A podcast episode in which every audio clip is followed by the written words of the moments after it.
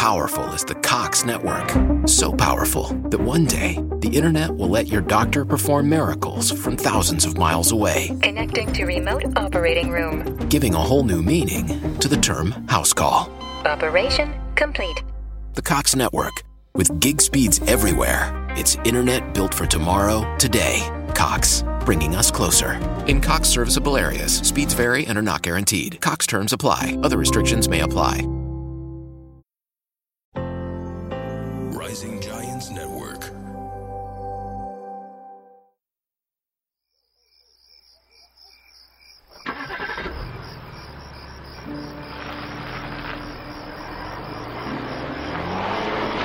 على الساعة 10 في الليل في 19 مايو سنة 1983 ديانا سايقة سيارة هوندا حمراء على طريق مهانج المعتم والطويل.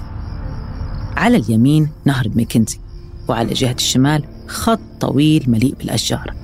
المنطقة ما فيها أي إنسان. تقلب بالراديو والأولاد نايمين. ولا فجأة على جنب الطريق صاف السيارة صفراء. ورجل بالطول وعرض وشعره منكوش. رافع إيده ويأشر. محتاج حد يساعده على الطريق. ديانا تنزل من السيارة وتحصل الفاجعة.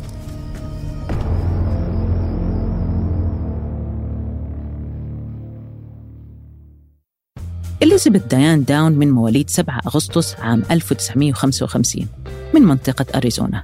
ديانا كانت جميلة وفيها طول وجاذبية بس ديانا تربت في عائلة محافظة جدا.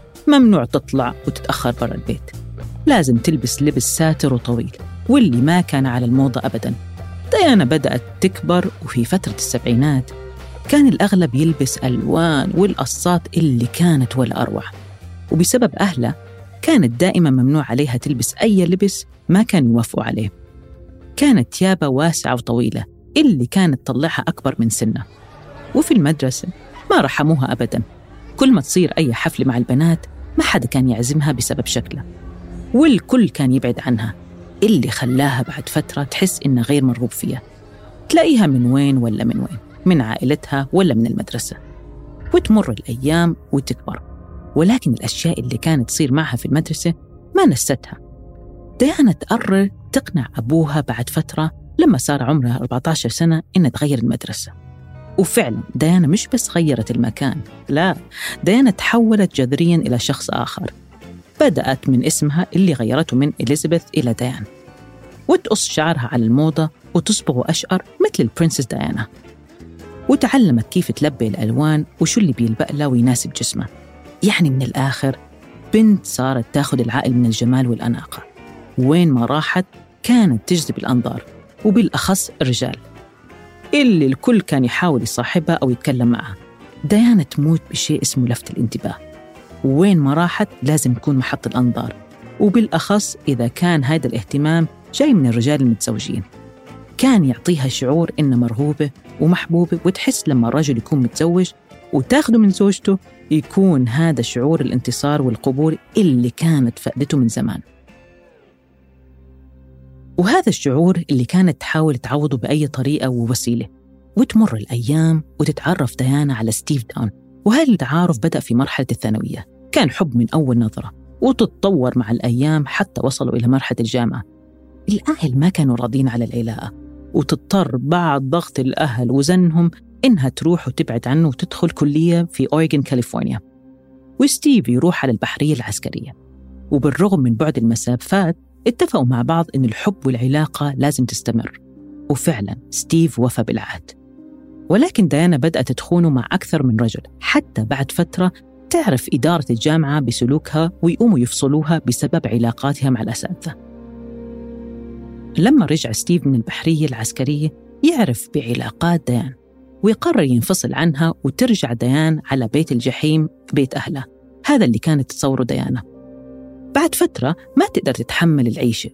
تقنع ستيف إنها لازم ترجع وتوعده إنها خلص تابت من كل العلاقات وإنها حتكون مخلصة تماما له. وفعلا يقرروا يتزوجوا. أول ما تزوجوا بدأت المشاكل وستيف ما كان يثق فيها أبدا ويصارحها إنها عم تخونه بس ما في فايدة. هذا غير المشاكل التانية مثل الأمور المالية وغيرها.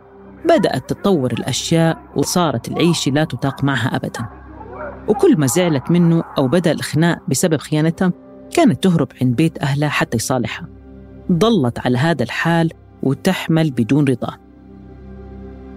وفي عام 1973 الله يرزقهم ببنت اسمها كريستين داوز الأب طار من الفرحة أول ما شافها مع أنه في البداية ما كان راضي أنه ديانا تجيب أولاد بسبب حالته المالية وبسبب كمان الخلافات اللي بينهم. بس أول ما شافها رق قلبه ويهتم فيها ويرعاها. وتخيلوا معاي أنه ديانا تقرر بعد ولادتها بوقت قصير إنها تترك بنتها وتتطوع في الجيش. والأب بتفاجأ ويقول معقول في أم تترك بنتها رضيع وتروح؟ ما كان عند ستيف خيار إلا أنه يرعى بنته الصغيرة اللي كانت بحاجة لحنان الأم اللي كانت أصلا مش موجودة. وتختفي الأم بعد الولادة بدون ما تخبر أي حد. وترجع فجأة بعد أسبوع. وتجيب معاها النكد والإخناق والصريخ بينهم يشتد. وتمر السنين وهم على نفس الحال أو أسوأ حتى. وترجع تحمد ديان مرة تانية بدون رضا ستيف. وتجيب بنتها الثاني في عام 1976 وتسميها شارلي. والغريب في الموضوع إنه بعد الولادة كانت علاقتها ببنت الرضيع شارلين فيها كره تعطيها نظرات اشمئزاز. وكانت تقول للناس إنها بشعة ومزعجة.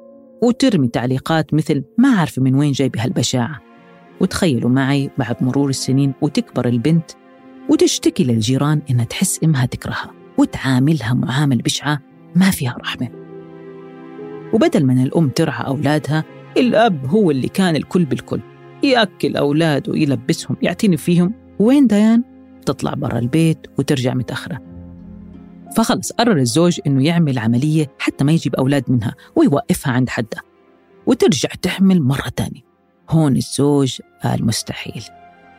أكيد إنها خاينته وفعلا كانت ديان على علاقة مع رجل كان زوجها يشتغل معاه في شركة للمفروشات وفي عام 1979 تجيب ولد وتسميه ستيفن دانيال وستيف خلص قال هون فاض فيه الكيل. كل مرة يقول عشان أولادي لازم أستحمل وأبلع الإهانات. بس خلص قرر أنه يقطع العلاقة السامة وفعلا تطلقوا رسميا في عام 1980 دينا ما تركت أي رجل من شرها سواء كان متزوج أو أعزب إلا أقامت علاقة معه. المرأة لعوب بكل معنى الكلمة. بعد ما تركها زوجها واللي كان يعيل الأسرة قالت في نفسها مع غياب ستيف لازم تتصرف وتفكر بطرق تعيل أطفالها وتصرف عليهم ماديا. وشو الشيء اللي هي كانت عندها خبرة فيه إنها تحمل؟ مش لأنها كانت تحب الأولاد ولكن الشعور بالاهتمام من الجميع كان ماخذ عقلها ففكرت بفكرة شفتها على التلفزيون إنها تعمل كحاضنة للنساء اللي ما قادرين يجيبوا أولاد وتمشي الخطة في البداية وتقبض مبلغ عشر آلاف دولار أمريكي وتقرر تأسس شركة اللي كان هدفها تساعد فيه النساء من جهة وتستفيد ماليا من جهة أخرى ولكن فشل المشروع. وبعد أشهر تتعرف على رجل كان متزوج اسمه روبرت نيك. اللي كان فيه ملامح الرجولة من طول وعرض والشعر الأسود والدقن وكان جذاب. لما كان يتكلم كانت تبين عليه الشخصية القوية والجذابة. عنده قبول مش طبيعي. نيك كان بهذيك الفترة مش متفق مع زوجته وديان لقتها فرصة ترتبط فيه وفعلا يصير علاقة بينهم. وكان نيك متفق معها طول الفترة إنها بتكون علاقة عابرة ويستمروا على هذا الحال. لأن ديان كانت على علاقة مع كل الرجال المتزوجين في الشركة. هذا غير أنه نيك كان مستحيل يرتبط فيها أو يكون أب لأولادها بس علاقة عابرة والسلام. هذا من طرف نيك. بس ديانا كانت تموت فيه لدرجة أنه في يوم من الأيام تسأله مين تحب أكثر أنا أو زوجتك؟ وكانت على ثقة تامة أنه نك حيجاوبها أنه أنت ويصدمها في الجواب. ويقلها طبعا زوجتي. ديانا تصيبها حالة صدمة متعودة إنه كل الرجال المتزوجين يفضلوها ويعاملوها معاملة غير. إلا نك بدأت تصرخ عليه وتستنكر اللي سمعته وهددته مثل ما كانت متعودة تهدد الرجال اللي قبله. إما تسمع كلامي أو أفضحك عند زوجتك. نك ولا عبرها. بس صراحة خاف من الوحش الكاسر اللي تحول فجأة. أول مرة يشوفها بهالحالة الهستيرية. قعد يفكر بالمنظر اللي شافه وقال إنه لازم ينهي العلاقة بأسرع ما يمكن. وفعلا عطاها عذر إنه ما ممكن يرتبط فيها وإنه ما إله في الأولاد والمسؤوليات بس بده يخلص منها وأنهى العلاقة. ديان ماتت من القهر. كيف حدا يتركها؟ وزعلت زعل. حاول يتكلم معه بس مصمم إنه خلص انتهى المشوار بينهم. رجعت على البيت وهي تلعن حظها والساعة اللي جابت الأولاد. وبتطلع على أولادها بنظرات غريبة. وتطلع غضبها عليهم وتعاملهم معاملة سيئة. وتستناهم على الغلطة. بالمختصر مش طايقة تشوفهم. وتقرر تنتقل تعيش في منطقة كوتج جروف أوريغون حتى تحسسه إنه فقد شيء كبير. نفس الطريقة اللي كانت تتعامل فيها الرجال اللي قبله. واشتغلت في البريد بس كل هذا الوقت كانت تفكر بنك وترسل له رسائل تعبر فيها عن حبها. وتحاول تغريه بس الرد هو واحد. العلاقة انتهت. ما هن عليها نفسها إنه في حدا ممكن يرفضها هذا الرفض. وتلاح وأيام وشهور بس ما في فائدة ومن غضبها على أولادها ما كانت تعتني فيهم أبدا. لما كانت تروح على الشغل كانت تترك أولادها مع أهلها ساعات وساعات مع آبائهم وأغلب الأوقات تخلي بنتها كريستي اللي عمرها 8 سنوات تهتم فيهم. الجيران في الحي كانوا يشوفوا الأولاد في حالة من الجوع والتعب والبرد. وتخيلوا معي في فصل الشتاء كانت تلبسهم ثياب الصيف ولا هي مهتمة فيهم. وكانت حاقدة على بنتها شيرلي حقد غريب ومش مفهوم. البنت ذات نفسها ما كانت عارفة سببه وفي أيام كانت الأم تطلع على بنتها بنظرات طويلة. البنت كانت تموت من الخوف. فتروح تتكلم مع الجيران إنه إما ما كانت تحبها أو ممكن فيها شيء بس مش عارفة شو هو. وتمر الأيام ويجي اليوم المشؤوم 19 مايو عام 1983 ديان وأولادها كانوا معزومين على العشاء حتى الساعة تسعة ونص المساء وقت متأخر. تخلص العزيمة ويركبوا السيارة الهوندا الحمراء على طريقهم للبيت. شيرلي كانت قاعدة في المقعد الأمامي والولدين كريستي وستيف كانوا قاعدين ورا. تأخذ الأولاد من الطريق مختلف لأنها كانت تحب تسوق مسافات طويلة. وفعلا شغلت الراديو ويطلع لها أغنية اللي كانت مشهورة في فترة الثمانينات Hungry Like the Wolf. وتسوق على الطريق موهانج الخالي من الناس. على اليمين كان نهر مكنزي وعلى الشمال المساحات الخضراء الواسعة. الطريق معتم ما في ضوء إلا ضوء سيارتها ما في أي صوت إلا صوت الراديو. والأولاد نايمين من التعب.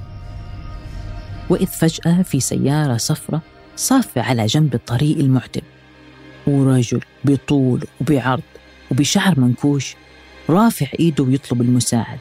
فتقرر ديان توقف السيارة وتساعد الرجل الغريب. وأول ما اقترب منها يطلع المسدس ويقلها أعطيني مفاتيح السيارة وترد عليه أكيد أنت تمزح. على طول الرجل يطلق النار على الأولاد ويطلق النار على إيدها الشمال. وتقوم تمسك إيدها من الوجع وتقول لازم أنقذ أولادي. توهمه إنها رمت مفاتيح السيارة بعيد. وتضربه بإجرة وتسوق السيارة بسرعة على المستشفى حتى تنقذ أولادها.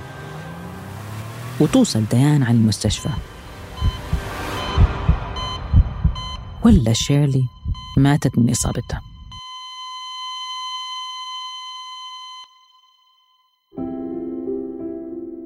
والأولاد الاثنين بحالة جدا صعبة بين الحياة والموت.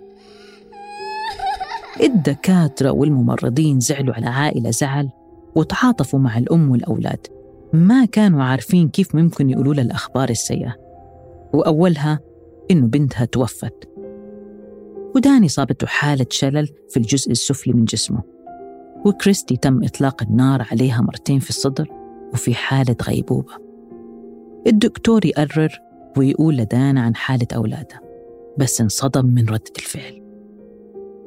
الأم أول ما خبروها إنه شيرلي توفت كانت هادئة هدوء يخوف ولما خبروها عن حالة أولادها كانت لا في مشاعر ولا شيء. واستغرب الدكتور من ردة الفعل. الشيء الوحيد اللي ديان كانت شايلة همه إنه سيارتها الجديدة توسخت بالدم. الكل كان في حالة من الذهول والصدمة. معقول وين الدموع؟ وين الصرخة؟ مفروض الأم أول ما تسمع هذا الخبر تحس بحالة من الانهيار ولكن كانت ديانا جدا هادئة ولا كأن اللي توفت بنتها ولا اللي انصابوا أولادها الناس تعاطفوا معها كيف ممكن هذا الحدث المروع يصير لأم وأولادها لدرجة إنه الميديا كانوا يتكلموا عن القصة 24 ساعة بدون توقف الشعب صابته حالة رعب.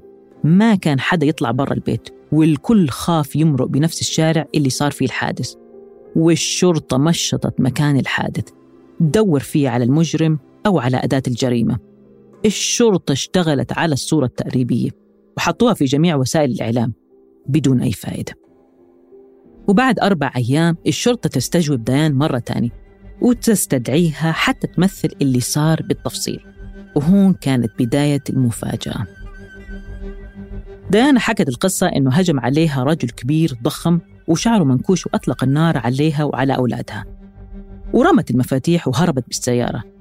لكن المصيبة مش في القصة اللي كانت عليها علامات استفهام ولكن المصيبة في طريقة التمثيل. طريقة التمثيل اللي كان كلها ضحك ولا كأنه اللي توفت قبل أربع أيام بنتها. وأولادها الاثنين بحالة خطيرة بين الحياة والموت. وفي وقت التصوير كانت تضحك وتظبط شعرها ومكياجها. ولما كانت توصف الحادثة ضربت إيدها بالغلط على حافة السيارة. وغلطت في الكلام وقالت إنها تألمت أسوأ من وسكتت واداركت الموضوع. قالت الشرطة في شيء في الموضوع. طلعت ديانا في مقابلات كتيرة وفي كل المقابلات تتكلم عن نفسها على إنها هي الضحية. وتوصف كيف بنتها ماتت بالتفصيل الممل. وكيف إنها هي المسكينة والضحية في القضية.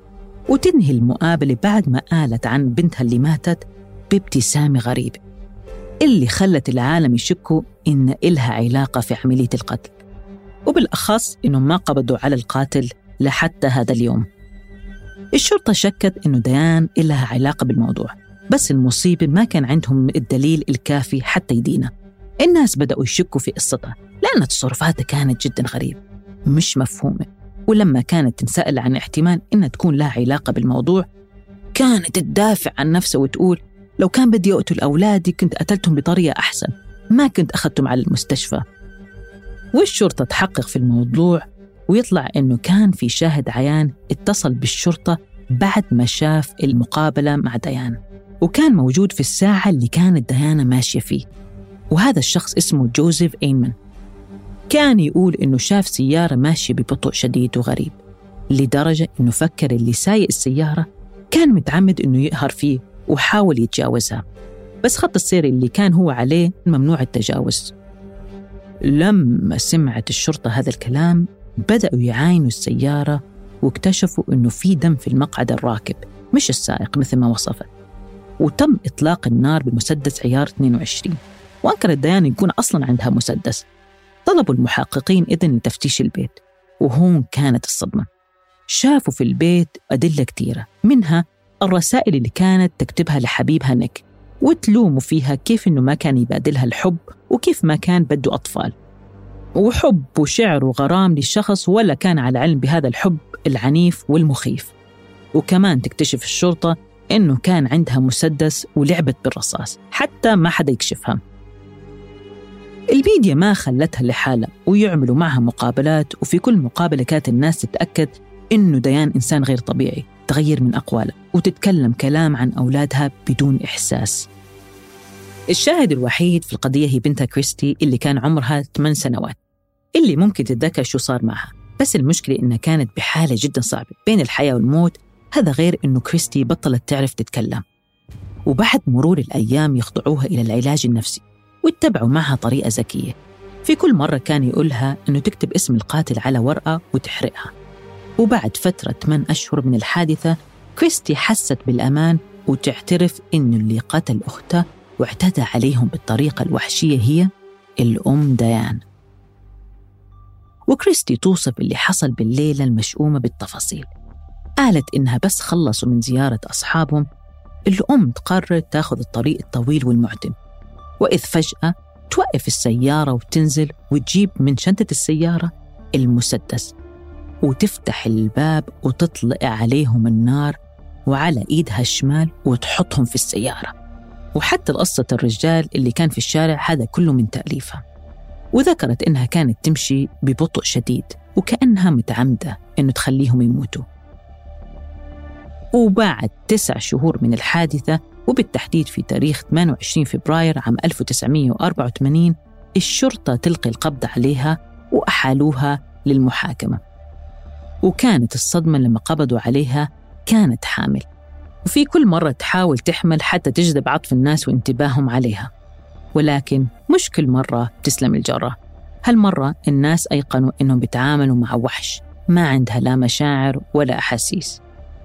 وقالوا المحللين السبب الرئيسي إنه ديان كانت بدها تتخلص من أولادها لأن بدها تكون مع نيك اللي برأيها كان رافضها بسبب أولادها وظنت إن إذا تخلصت منهم حتعيش مع حب حياتها نيك.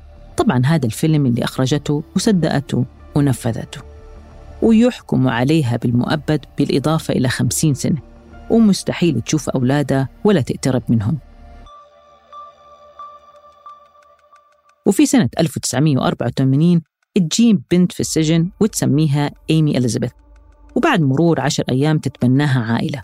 وتخيلوا معي ليومنا الحاضر مصرة على براءتها ومصرة على قصتها اللي ما لها معنى. الأولاد يتبناهم المحقق فريد هيوي المحقق اللي أدان ديان. والأولاد عايشين أحسن عيشة. وتنتهي قضيتنا لليوم. أنتوا شو رأيكم في القضية؟ وليش برأيكم ما عطوا الأولاد لأبوهم ستيف داون؟ حاب أسمع إجابتكم وبهيك سكرنا ملف القضية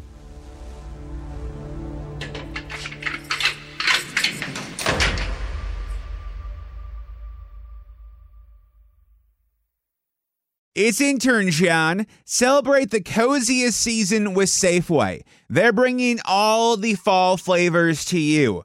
From pumpkin everything to caramel apples and all of your seasonal favorites. Make the most of those fireside dinners, game winning touchdowns, and warm family gatherings. Visit your neighborhood Safeway today or shop online for easy pickup or delivery. They're here to help you spice, season, and savor every moment. Sincerely, Safeway.